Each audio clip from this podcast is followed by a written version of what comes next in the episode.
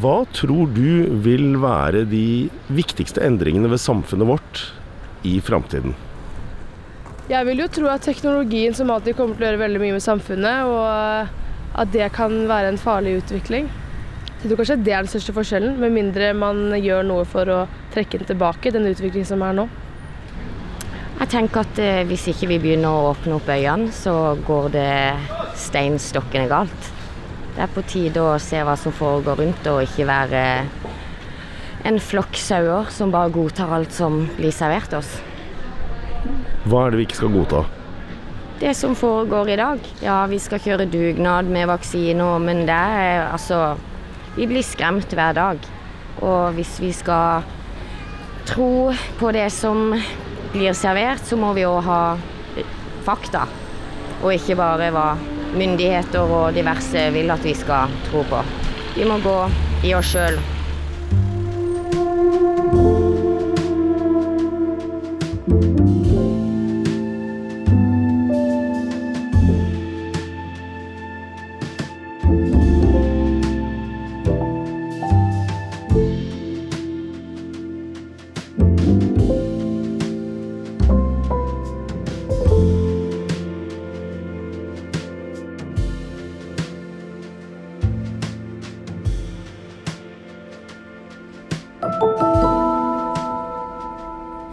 Velkommen til en ny episode av eh, Sampodden.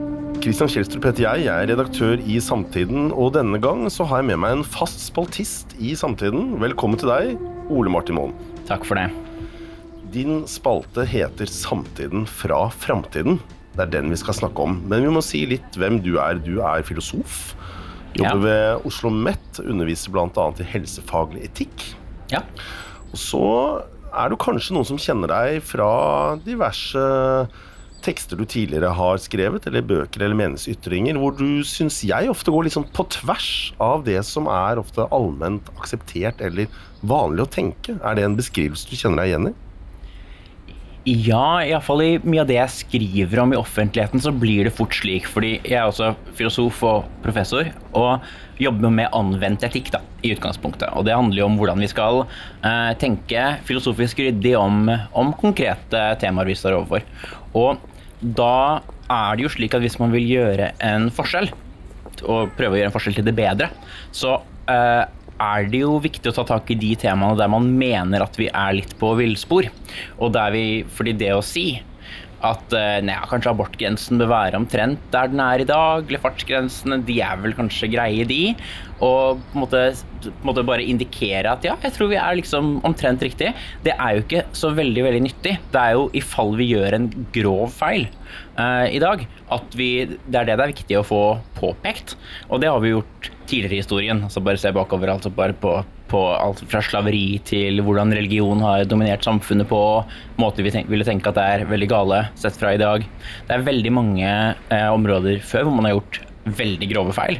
Og det er spørsmålet, Har vi noen sånne grove, skikkelig grove feil igjen i dag som vi er like blinde for som man var tidligere? Og det å på en måte prøve å finne ut da, hva er det som er i blindsonen vår, det er kjempeviktig. Og da blir man jo hørendes veldig radikal ut fra utsiden, fordi når man åpner munnen og snakker, så snakker man jo om de tingene man mener kanskje er feil. Mens når jeg har Jeg har jo skrevet litt om andre si, ting også, men eh, jeg får jo ikke så mye oppmerksomhet rundt det. Det er jo de mer, liksom, de mer divergerende tankene jeg måtte ha, som får mest oppmerksomhet også. Så jeg tror mange tenker at jeg er liksom sånn radikal eh, across the board. Men jeg er egentlig ikke det, altså. Det hadde egentlig vært litt sånn foruroligende. Men det er den uh, tilsynelatende radikaliteten, da, eller evnen til å bryte med det antatt uh, riktige, som var utgangspunktet for at jeg ba deg skrive denne spalten 'Samtiden fra framtiden'. Jeg la merke til deg under en samtidenlansering. Det handlet om fengsel. Ja. Eh, Det var et eh, fengselslignende lokale på Akershus festning hvor det ikke var stoler. Og alle sto, men du satt. Du satt midt på gulvet. Hvorfor gjorde du det? Ja, det var jo eh, litt sånn Det var en lang, lang, fin samtale om fengsler og dets, fengsel og dets begrunnelse. Og det var jo litt sånn kjipt å bare måtte stå så lenge. Så jeg, og jeg var jo på fremste rad, eller en av de fremste. Så satte jeg meg ned på gulvet, for, å, for det kan man jo gjøre. Men det er jo noe man, man kan jo ikke gjøre det uten en stol. Det er jo noe man som voksen ikke skal, skal gjøre. Men det kan man jo. Eh, så det er, det er egentlig noe jeg har lært av samboeren min, Alexander Sørli heter han, eh, som er veldig flink til å bare sette seg ned. Eh, Hvis han har behov for det. Og Da tenkte jeg også at ja, da kan jeg sette meg ned, og da så man jo også at det var en del andre som kom og satte seg ned også. Så noen ganger trenger man å gå, noen må gå først, og så er det mange flere som er villige til å gå som nummer to. Jeg er også sånn selv. Jeg sitter mye på trapper og fortauskanter. Jeg har alltid blitt sett litt rart på, men vi skal jo ikke lenger enn til andre kulturer hvor det er nokså vanlig å, å sitte på gulvet. Altså, det er jo en, er en veldig nærliggende ting å gjøre. Altså, stoler er jo en litt sånn mellom, mellomgreie, liksom. Der du, der du kan sitte, men du skal sitte litt sånn opp, sånn at bena kan være ned. Og eh, det er klart det er jo fint å ha det, men det, jeg tenker at det er jo ikke noe, det ikke noe det, Og det kan vel ikke andre mene heller, at det er noe moralsk galt liksom, ved å sitte på gulvet. Det må jo være innafor. Det er litt sånn noe barn gjør, kanskje. Eh, De gjør det i stor grad. Men, eh, men hvorfor kan man ikke gjøre det? Og da tenker jeg at nå har jeg lyst til å sitte. Jeg har ikke noen stol. Og så er det sånn, ok, nei, men kan jeg sitte likevel? Og så er det sånn, et gulv. Ja, men da setter jeg meg. Og eh, ja, jeg, jeg, jeg føler at det er, det er jo ikke akkurat et veldig stort opprør, på en måte, men det er mulig det, er, det, er mulig det, det signaliserer noe. Grunnen til at jeg trekker fram dette, det er jo at jeg tenker at din spalte det, den handler om å se vår tid fra en annen vinkel. Men det er ikke alltid så lett. Hvordan går du frem når du skal forsøke å se det mange tar for gitt, fra en ny vinkel? Ja, det jeg gjør i disse spaltene, eller forsøker å gjøre, er jo å ta et aspekt ved vår egen samtid, og så se på dette fra et tenkt sted i fremtiden, hvor man også ser tilbake på eh, det vi gjør i dag, og måtte underliggjør det litt, og eh, gjør det litt sånn fjernt. Og prøve å komme inn i sinnet til noen som faktisk strever litt med å skjønne hva i all verden er det vi egentlig holder på med nå. Og for å kunne gjøre det, så må man jo måte komme seg til et sted hvor man klarer å bli såpass trygg på et, eh, en alternativ måte å se verden på. At man kan eh, på en måte gå litt komfortabelt rundt i den verden og se tilbake på det vi altså gjør, gjør i dag som ja, noe litt fjernt. Så det er temaer jeg ofte har tenkt en god del på selv, eh, og som jeg kanskje har fått en, en slags divergerende syn på fra hva som er mainstream nå. Og jeg er blitt såpass vant til det at eh, det begynner nesten å virke litt sånn åpenbart, det som er mitt eget syn. Og jo mer åpenbart eh, riktig da, eh, mitt eget syn på det virker, jo mer åpenbart uriktig virker jo da samfunnets syn, syn ellers. Altså, I denne spalten så har du skrevet om alt fra hvordan vi ser på kjønn, til penger, til landegrenser, til uh, nytelse av alkohol, til alder. Mange forskjellige temaer. Eh, vi skal eh, gå litt inn på dem eh, etter hvert. Men, men først vil jeg høre litt mer om hvordan du går frem når du skriver. Altså, du har da, som du var inne på, dyrket fram en slags fremtidsstemme. Hva, hva, hva kjennetegner den stemmen? Ja, den stemmen er jo eh, på en måte langt på vei eh, meg selv plassert i et slags fremtidig samfunn der mine tanker eller oppfatninger da, er, er utbredt. Og det er klart I noen tilfeller så jeg, jeg skinner gjennom at jeg har ganske klare meninger om dette. Men andre ganger er jeg nok mindre konkluderende, men likevel søker da å underliggjøre det vi har det vi, det vi står med i dag. Så måten jeg går frem på um, jeg, jeg tror dette er en sånn type tekst. Det er litt gøy å ha funnet frem til den. Jeg vet ikke om dette er en sjanger som egentlig finnes. Jeg. Altså en sånn uh, utopisk, men da tilbakeskuende mot i dag. Uh, det er jo jeg vil jo tro at det, det er jo sikkert skrevet, men jeg kjenner ikke til den sjangeren helt. Og vi har på en måte funnet litt sånn frem til den stilen på den også, den kombinasjonen av altså, humor og, og uh, veldig alvor, som jeg, jeg syns er veldig morsom å, å skrive.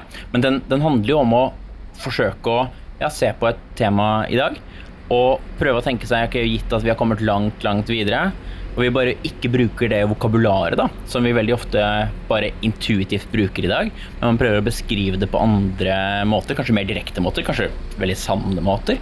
Målet her er at man skal se disse fenomenene med litt sånn friskt blikk, og klare å se de mer for hva de er, litt sånn uavhengig av den, den si, intellektuelle ballasten vi, vi, vi er så vant til.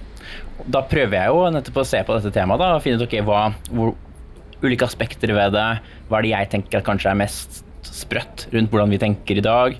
Og hvordan kan det vi tenker i dag, da, få oss til å se veldig sprøtt ut? Hvordan kan du ha på en måte gitt si, ting som henger igjen altså, Hva heter det da? Nå har jeg glemt hele ordet.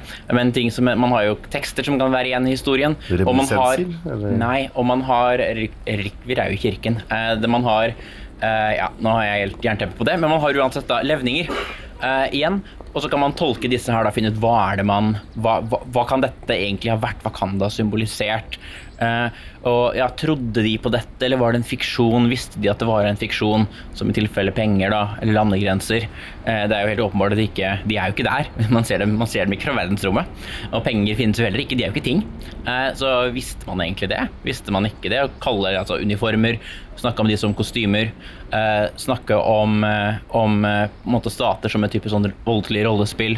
Altså ved å bare Det er jo sant, men ved å Det er da underliggjørende. Og eh, gå vekk fra det. Og, men, men, jeg tror ikke jeg kan si så veldig mye om hvordan jeg egentlig gjør det, for den skriveprosessen er egentlig et resultat egentlig bare av en litt sånn lang tenkning og mørningsprosess, hvor dette har fått ligge og ja, mørne i, i, i, ganske lang tid.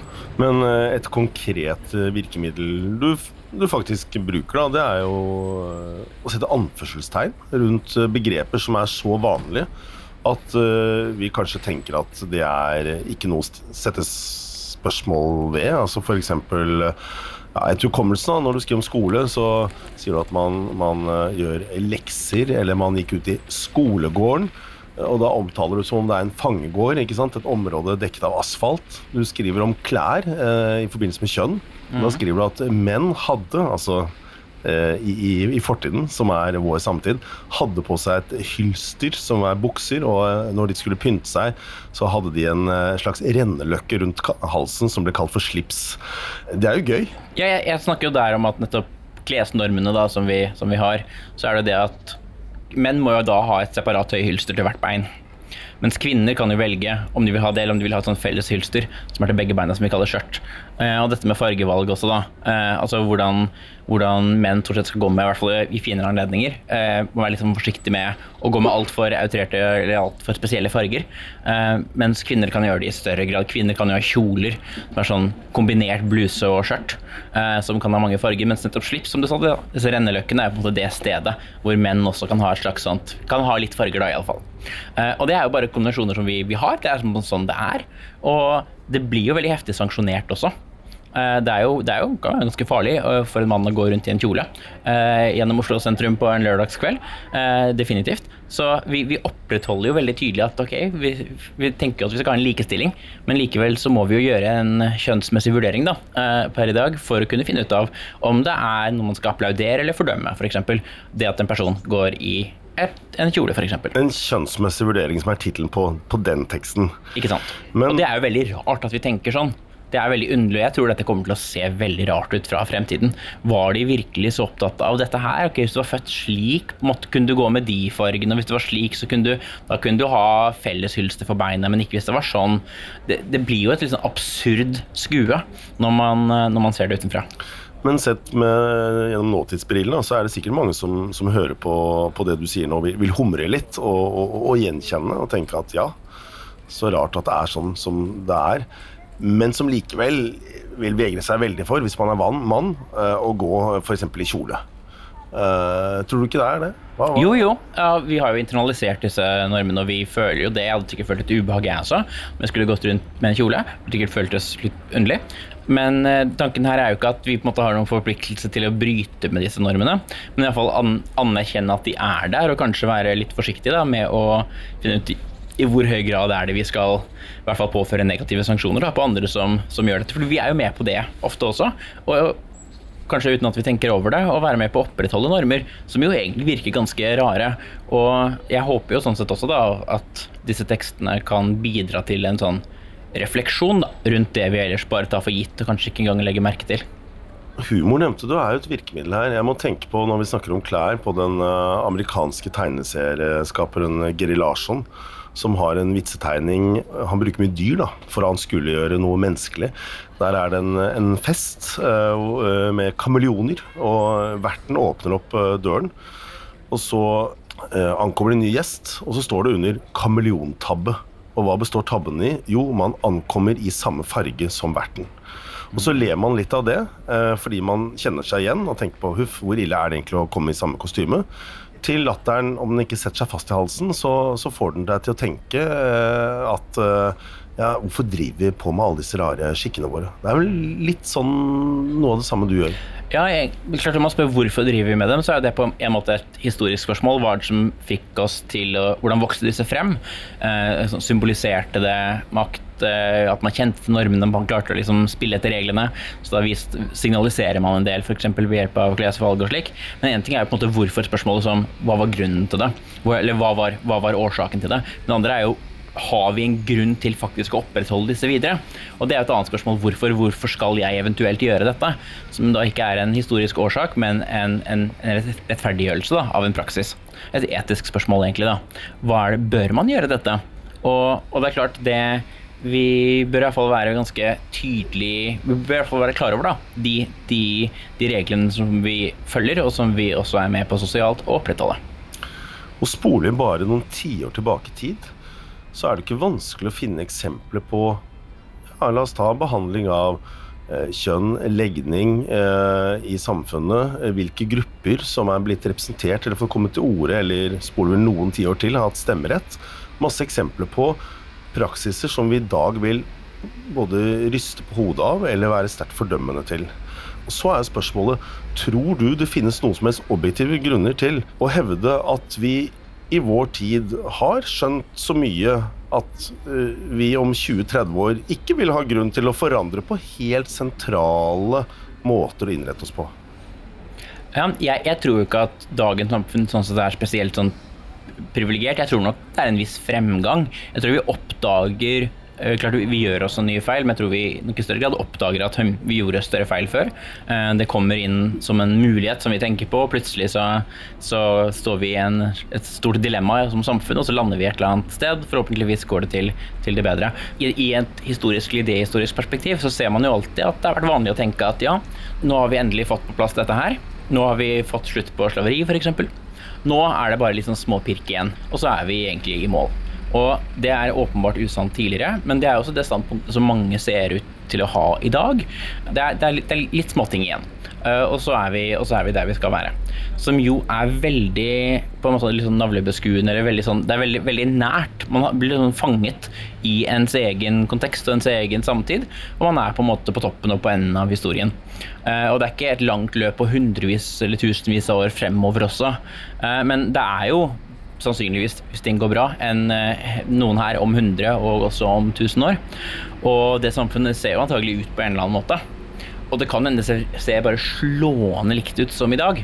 Eh, og at det ikke er en prosess videre. Vi har på en måte kommet til platå nå. Nå har vi på en måte kommet frem. Men jeg, jeg, jeg tror ikke helt det, da. Jeg tror vi må være Vi bør egentlig forvente at det er en del liksom, systemisk grunnleggende problemer som også er her i dag. Hvis man er opptatt av det, da, så blir man jo fort seende litt radikal ut. Hvis, man, hvis, det er de tingene man fokuserer på. Men la oss uh, snakke litt uh, om hva du fokuserer på. Vi har snakket litt om hvordan du skriver. Uh, nå vil jeg også at vi skal gå litt mer inn i disse tekstene du har skrevet i samtiden fra framtiden. Gjerne.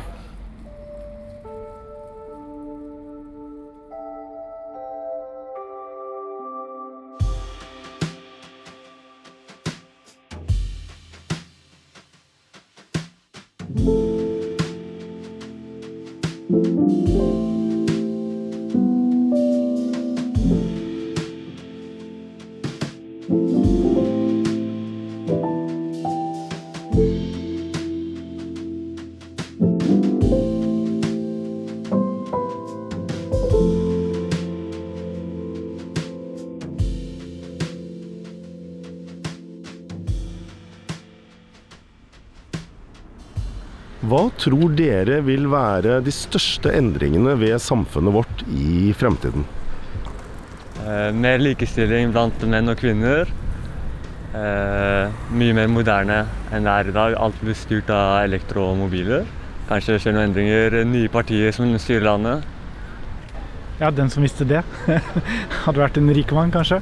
Men eh, jeg vet ikke. Kanskje en videreføring av digitalisering og Og kanskje en sånn pendeleffekt av det, at ting også går tilbake litt sånn til det mer personlige på andre ting. At vi får eh, begge deler litt sånn hånd i hånd, kanskje. Tror du verdiene våre, som vi tar for gitt, kan komme til å forandre seg? Ja, det kan godt hende. Kanskje ikke grunnverdiene, men at vi kanskje sånn eh, på mange måter kanskje vil merke en endring. Det har jo vært en endring de siste 20-30 åra, kanskje, så da går det kanskje videre også. Mm. Jeg lurer på, Hvordan tror du samfunnet vårt kommer til å forandre seg i framtiden? Jeg håper det blir litt varmere, at vi får litt mer omtanke. For jeg syns det er veldig ego nå. Så jeg håper jo at vi har lært noe av det å ta vare på hverandre og se de som sitter alene og kanskje ikke har så mange rundt seg. Nei, det blir vel sikkert mer vaksinering, vil jeg tro. Vi har jo begynt nå, så det blir vel sikkert mer av det. En vaksineframtid, altså? Ja, garantert. Mer pass. Mer begrensninger for folket.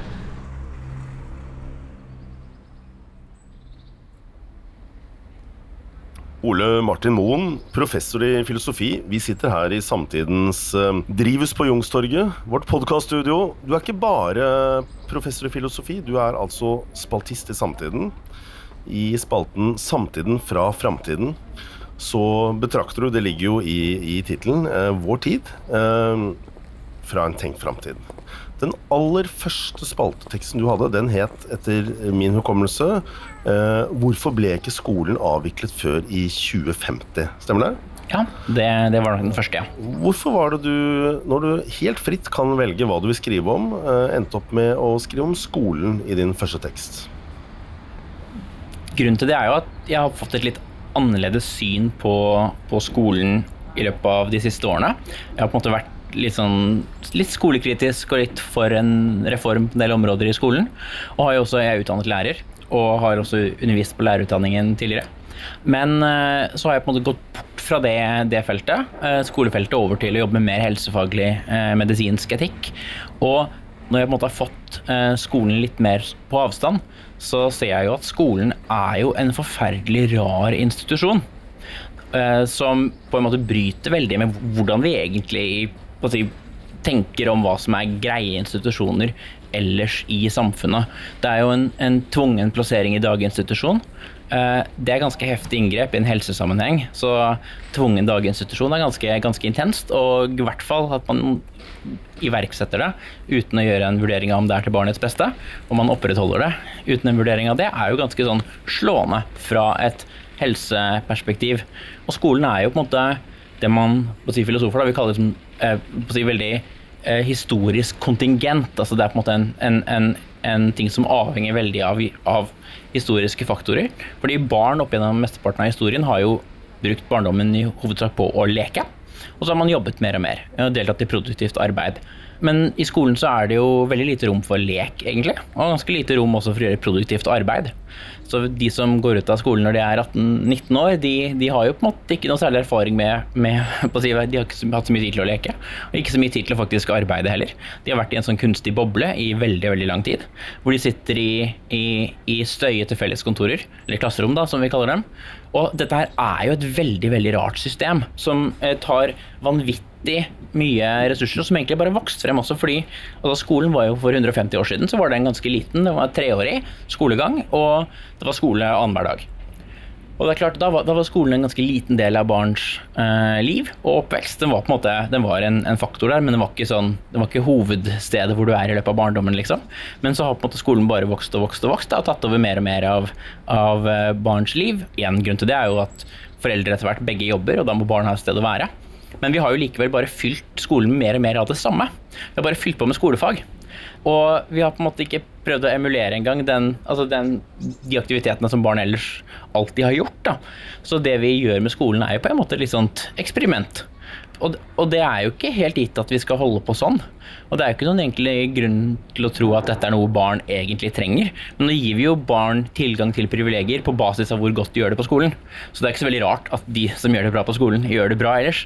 Men det eh, viser oss jo da ikke når vi gir privilegier til den som klarer det bra, at dette er et reelt behov for å klare seg bra på skolen. Men hvis man ser litt på fortiden, da, så er jo eh, mange som har kritisert eh, skolevesenet og skolen som institusjon tidligere. Ta forfattere fra alt fra Alexander eh, Kielland eh, til eh, Jens Bjørneboe. Eh, hva er det som er viktig og nytt i dag, da, når det gjelder å kritisere skolen? Ja, det, blir mer på en måte å si på temaet, da. Men en, jeg, jeg, jeg syns både altså Kielland til gift og, og Bjørneboes Jonas er veldig gode bøker som beskriver dynamikker i skolen. Og skole-hjem-relasjonen, altså skole-barn-relasjonen, på en veldig, veldig god måte.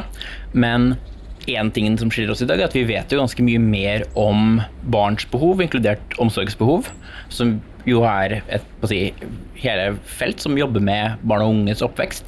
Mens pedagogikkfaget er jo på en måte blitt et litt sånn eget fag på siden av alt dette andre, som handler om skolefaglig læring. Og en av de tingene vi har i dag, da, er jo at vi i, si, i motsetning til i 1955, da Jonas kom, og i ja, når kan det ha vært da, 1870 eller et eller annet der omkring, 1880 eller noe slikt noe, eh, da gift av Kielland kom, at vi vet jo veldig mye mer om barns ja, behov, så vi kan jo på en måte trekke veksler på andre fag. da. Men jeg tror denne fragmenteringen av fag som vi jo ser, fordi det, alle fag vokser jo ut, det er bare små underavdelinger av fag man kan egentlig klare å jobbe med, så ja, har man på en måte litt sånn rikere ressurstilfang da, for å kunne diskutere dette her sånn nå, enn man gjorde da, og ikke minst sosiale medier og slikt gjør også ting mye mer sånn på en måte at man får at, ja, Det endrer jo situasjonen litt, da. Men jeg er jo veldig, jeg syns jo det er imponerende hvor mye Kielland hadde fått med seg for ja, 130 år siden. Han betraktet på en måte framtiden fra samtiden, da, kanskje. På et vis. Ja, altså han, ja, han- betrakt, altså Den boken er jo en Ja, det er klart den, at den betrakter framtiden fra samtiden. Altså, Han den, var litt profetisk, da. Han var profetisk, og han klarte å på en måte virkelig peke på en del av disse dynamikkene. og Bjørneboe også 1955, men likevel, da. Han snakker om disse Oslo-prøvene som om alle må ta på skolen, og de må øve på. Og så er det slik at det er dumt for skolen at de som er faglig svake, at de er med og tar disse prøvene. Så de må prøve å få disse ut av dette systemet. Og det er jo akkurat det vi ser i Oslo, som kanskje er et av de mest målstyrte eh, stedene i utdanningssektoren. Så har vi akkurat det. Og så handler det om å kunne passe på at elever som, som man tror scorer dårlig på det, ikke får vært med på disse prøvene. For da faller nettopp skolens, liksom, den enkelte skolens da, eh, renommé, og det ødelegger for de andre elevene. da. Og det, det, jeg syns, det er forferdelig, forferdelig skarpt sett i 1955. Men Ole Martin Moen, eh, det kan jo høres ut som på meg at i akkurat denne teksten så ligger din uh, egen uh, overbevisning og mening nokså tett på det som er uh, tekstens uttrykte mening. Ja. I andre tekster så kanskje leker du deg mer, jeg vet ikke. Du har en tekst som heter 'Fantasiens grenser'. Og den handler jo om det faktum som vi alle kan observere på et kart, nemlig at grensene mellom nasjonalstatene i dag, som eh, jo kanskje få setter noe særlig spørsmål ved, eh, er konstruerte, ofte tegnet med linjal. eh, Og de har jo også vitterlig forandret seg opp gjennom historien. Likevel så er det nok ikke så veldig mange som tenker at dette kan være, eller bør være annerledes. Gjør, gjør du? Um, hvis, man, hvis jeg da tenkte burde vi per dag bare, bare bli kvitt alle landegrenser, så tror jeg svaret antagelig er nei, det burde vi ikke gjøre. Men hvis man ser litt mer langsiktig på det, da, tror jeg at landegrenser er liksom, liksom kommet for å bli, og at vi om 200-400 år også vil ha landegrenser, det tviler jeg jo litt på. Og det å få tydelig frem at disse grensene finnes jo bare som et rollespill som vi har. Og vi har disse flaggene og vimplene og symbolene og sangene og stæsj og glitter for å få For å på en måte skape og opprettholde denne, denne fantasien, da. Men det er jo det, det er jo det er et underlig fenomen, disse landegrensene. Og at vi tenker at de er der, vi maler dem på kart som om de fantes. Eh, som om man kunne se dem, men det kan man jo definitivt men, men, ikke. men de finnes jo nå, i den forstand at eh, grensen mellom Norge og Sverige har jo ligget fast i veldig veldig mange år. Så, sånn sett finnes de. Ja, men hvis du går dit og sjekker, så ser du at det er faktisk ingenting der. Ja, det er noen grenseposter, da. Ja, du Men- har, ja, du har noen skilt, og du har noen gjerder noe sted. Og så har du noen sånne påler. Det har du. Men som jeg da tar utgangspunkt i der, da, hvis man går og kikker, så er det faktisk ikke noe grense der.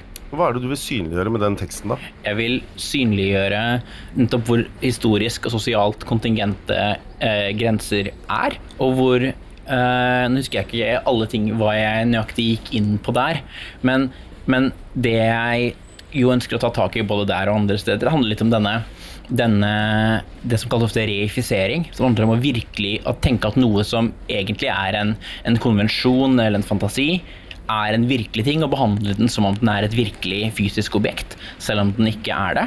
Og det gjelder jo der med, i, med, med, med grenser.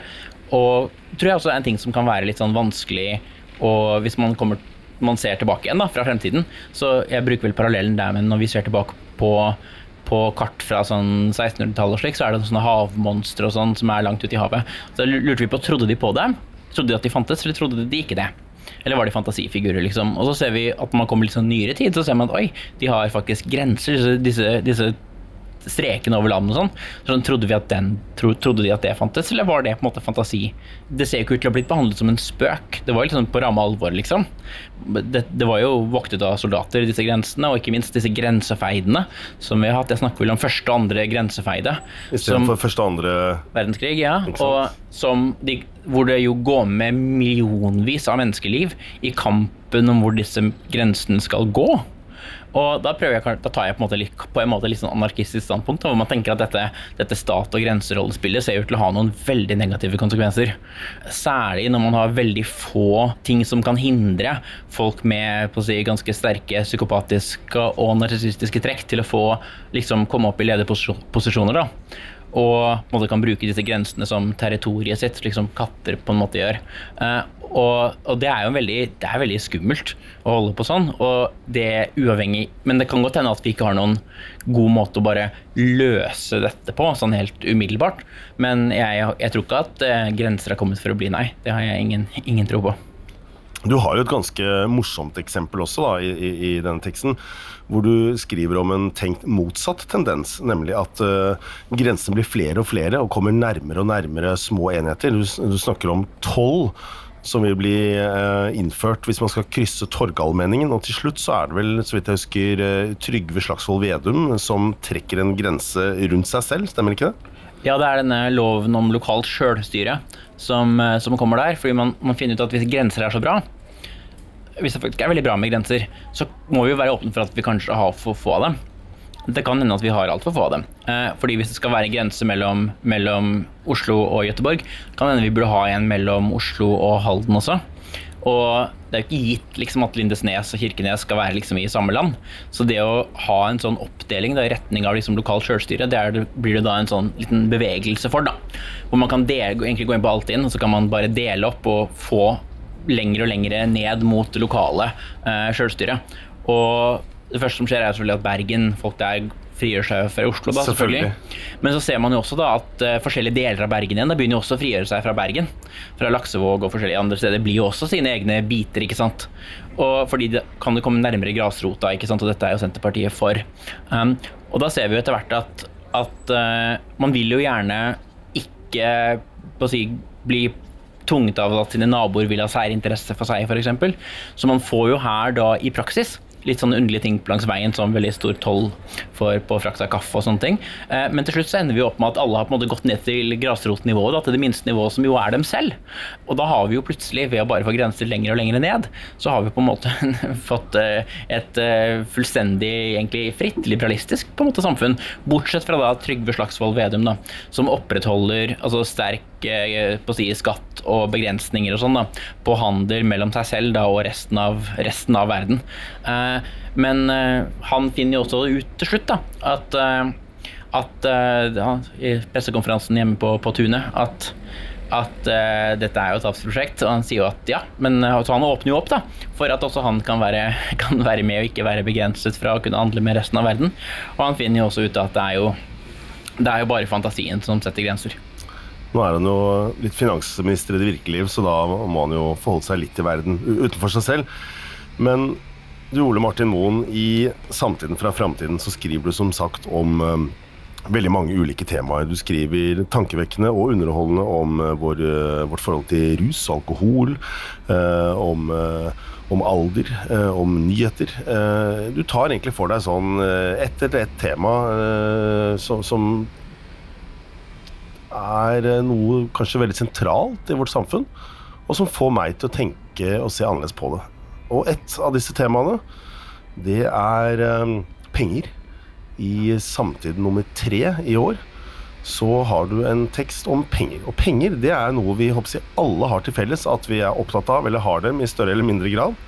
Eh, men så kommer du sannelig inn i den teksten også og stiller spørsmål om penger. Hvorfor skal vi ha dem? Ja, hva er det for noe? Hva er penger? Hva er det?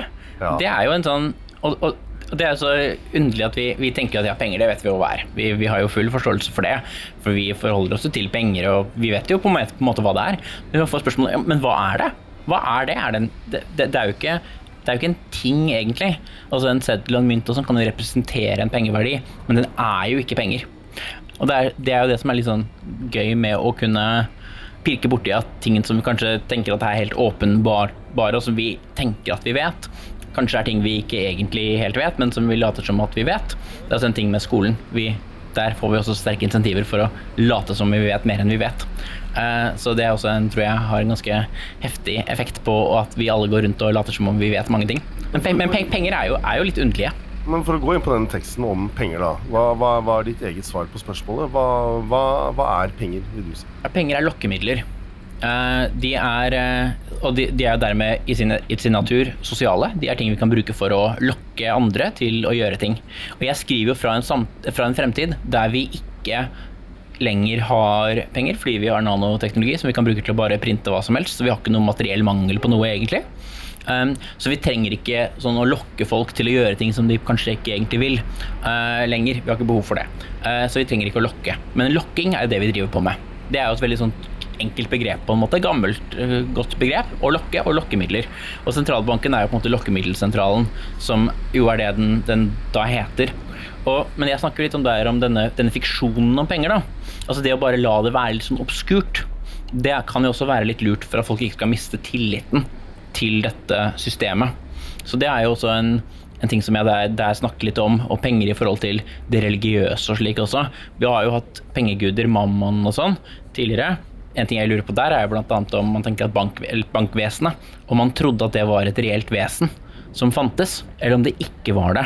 Fordi det er jo ikke Det kan jo høres ut som det var det, men det her tolker jeg jo igjen, da. Er det slik at i så fall må man jo tro at folk trodde at vei, veivesen og helsevesen og sånn også var egne vesener. Og det blir jo veldig politeistisk på en måte å tro på det. For for uvesener, da, mener du? Ja, uvesen. Uh, og, uh, og da Så jeg, jeg, jeg tolker det da å si, idehistorisk ikke som at det, man trodde at det var et vesen, men at det var liksom som den katolske kirke, sånn mellomnivå. Fordi at de henviser videre til andre vesener igjen, som på en måte bankvesenet sånn kunne være med på å forvalte. Så jeg, jeg snakker jo her annet om en ting, en, et vesen som ser ut til å ha vært et reelt vesen fordi folk fryktet det veldig, og som, som bankene sånn truet med, da, det er jo namsfogden. da. Og det så ut til å være noen som folk er redde for at skal komme og kaste dem ut av leilighetene sine hvis de ikke betaler husleie og sånn. Så der så folk ut til å være genuint redde. Og namsfolkene i Oslo er på Pilestredet. Og det ser ut til å ha vært et genuint vesen, da, kanskje som det er i hvert fall en mulig religionshistorisk tolkning. da, At det faktisk var et, at man trodde at det var et genuint vesen. Dette er jo litt intrikat, merker jeg, men slik er jo jeg håper å si, økonomiens vesen også. For det er jo mange av oss som tenker at vi kanskje har sånn noenlunde begreper om tiden vi lever i, men som ikke forstår det døyt av økonomi når det presenteres eh, på nyhetene at rentene går opp og ned, eller kursen på børsen går opp eller ned. Ja. Tenker du at vi liksom er fullstendig fremmedgjort fra noe som egentlig er helt vesentlig i våre liv? Jeg vet ikke om vi er fremmedgjort for det, men jeg tror vi alle Jeg, jeg tror veldig mange av oss bare tenker at Ja, sånn som for eksempel å få vite at forskjellige børser går opp og ned. da, At dette med Nasdaq har gått opp eller ned, eller eh, forskjellige børser. Det er jo egentlig knekkende likegyldig for de aller, aller fleste mennesker. Sammen med hvilke aksjer som har gått, gått opp og ned også. Det er jo ting som vi, de, de færreste av oss egentlig trenger å forholde oss til, men det er jo informasjon som vi likevel da får. da. Og her tenker jeg vi bare, Det er litt sånn som og det, Dette er en måte å kunne tåkelegge litt på også. da, Det er bare å overlempe med kompleks informasjon. Og hvis du ikke skjønner det engang, da kan du ikke sette spørsmålstegn ved systemet. Hvis du ikke engang vet hvorfor, hvorfor vi trenger motkonjunkturpolitikk, liksom, da, da, jo, da, da vet du jo virkelig ingenting. Vi må i hvert fall, hvert fall på å si, ja, hindre stagflasjon og sånne ting, som jo er begreper som jeg blir relativt teknisk, da. Men vi har jo veldig mange sånne, ja, bare rentefoten, liksom, eller man skal ha man må passe på at inflasjonen ikke blir for høy, og alle sier ja, vi må passe på at inflasjonen ikke blir for høy. Det må vi passe på. Men, sånn, men, men de, fleste som, snakker, de fleste som sier det, vet de egentlig hva de snakker om? Eller bare er det litt sånn parroting? Sånn at man bare Sånn som hvis barna mine liksom, som er åtte år, sa det, liksom, så hadde jo det man hørte at de bare tok over et voksenord. Og så prøvde man å bruke det riktig uten å egentlig skjønne det. Og jeg tror veldig mange voksne handler på akkurat den måten der også. Og så bare blir vi, blir vi vant til det, og så snakker vi om det uten at vi egentlig helt har skjønt hva begrepene betyr. Og det er noe du tar for deg i din spalte. Og Ole Martin Moen, vi kunne snakket uh, i detalj vi om uh, mange av de andre temaene du har skrevet om. Og jeg gleder meg til fortsettelsen. Til ting du skal skrive i samtiden fra framtiden i, i framtiden. Uh, men vi spørre deg helt til slutt. Hvis du skal forsøke å se inn i framtiden, da. Jeg holdt på å si 'hvordan tror du det går med oss'? Det kan jeg ikke spørre om, for det er for stort. Men, men vi snakket i sted om hvordan vi gradvis har lagt bak oss visse praksiser som øh, vi i dag syns er øh, illiberale eller umoralske eller begrensende. Uh, du har nevnt slaveri, vi kan snakke om forhold mellom kjønn, likestilling osv. Så, videre. så kan det hende at pendelen vil svinge motsatt vei. At vi ikke går i retning økt frigjøring og økt opplysning, men den andre veien. Eh, at vår tid viser seg likevel å være ganske bra sammenlignet med det som kommer. Hva, hva tror du når du prøver liksom skue sånn 20-30-40 år inn i tid, fremtiden? Det er jo, en ting er hva, jeg tror kommer, det andre er jo hva jeg tror burde komme. Det er jo litt handlingene våre i dag som er med på å skape den fremtiden som vil komme. Så jeg tror ikke det er helt sånn gitt, egentlig. Eh, jeg tror det er i noen grad opp til oss. Men hvis jeg skal peke på noen ting, da, jeg tenker behandlingen vår av dyr innenfor industrielt husdyrhold og slik, det er et ganske voldsomt onde som vi undervurderer veldig. Det tror jeg en del kommer til å, kommer til å skje. Hva angår kjønn og relasjoner og den slags type ting, så tror jeg jo kjernefamilien og sånn litt, står litt for fall. Eh, det er også en litt sånn postindustriell ting. Eh, at vi på en måte skal være eh, mor og far, og så skal de ha en egen boenhet med, med sine barn. Isolert fra andre. Jeg tror nok det er litt for fall, og det med også relasjonsnormene som vi har. Men det kan godt hende vi også finner at vi nå lever i en kultur som er veldig fattig fattig på ritualer og kollektive ting som egentlig er veldig viktig for oss mennesker, og som religion har gjort en del av tidligere, men som vi ikke på en måte har funnet gode si, substitutter for. Kanskje vi bør gå i en, i en, i en retning som ikke, ikke, er Ja, som tar det mer alvorlig enn uh, hva som er gjort til nå. Uh, jeg tenker jo at vi bør altså En av de tingene jeg også tror, er jo, og som også er en, på vei for så vidt, da, er jo at F.eks. at aldring er, altså, altså, eller at kroppen eldes, er jo en enorm driver av død og sykdom i verden. Men vi tenker bare ikke på den fordi den er så stor at vi, den på en måte havner utenfor. Men det, altså, elden vår, altså det at vi eldes etter hvert og kroppene på en måte råtner og faller fra hverandre, det, det er jo noe som i løpet av en måneds tid eh, vanligvis tar livet av like mange som koronapandemien har tatt, tatt livet av til nå. Så, eh, men da tenker vi når det, når det, bare skjer med mange nok, så er det ikke noe, det ikke noe problem. Eh, da slutter det å være et problem, men egentlig er det bare et enda større problem. Så jeg tenker vi kommer til å klare å anerkjenne aldring som, et, eh, som en utfordring som, som medisinfaget bør ta tak i og forsøke å stagge. Her hører jeg temaer for mange framtidige samtidsspalter. Framtiden er åpen, men i mellomtiden så kan eh, du som lytter til Samtiden, lese Samtiden og Ole Martins eh, spalte. Tusen takk, Ole Martin, for at du har vært her eh, i Sandposten studio i dag. Takk for at jeg fikk komme.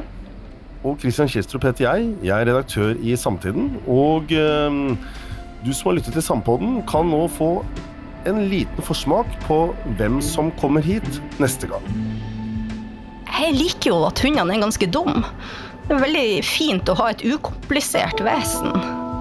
Og det er det rareste med katteeiere som altså forklarer om hvor arrogant katten er, og hvor psykopatisk de er, og hvor liksom selvstendig og, og, og, eh, og Med en sånn fascinasjon da, og, en kjærlighet kan de beskrive det. Det er som en slags Stockholm-syndrom, føler jeg at eh, de har overfor kattene sine.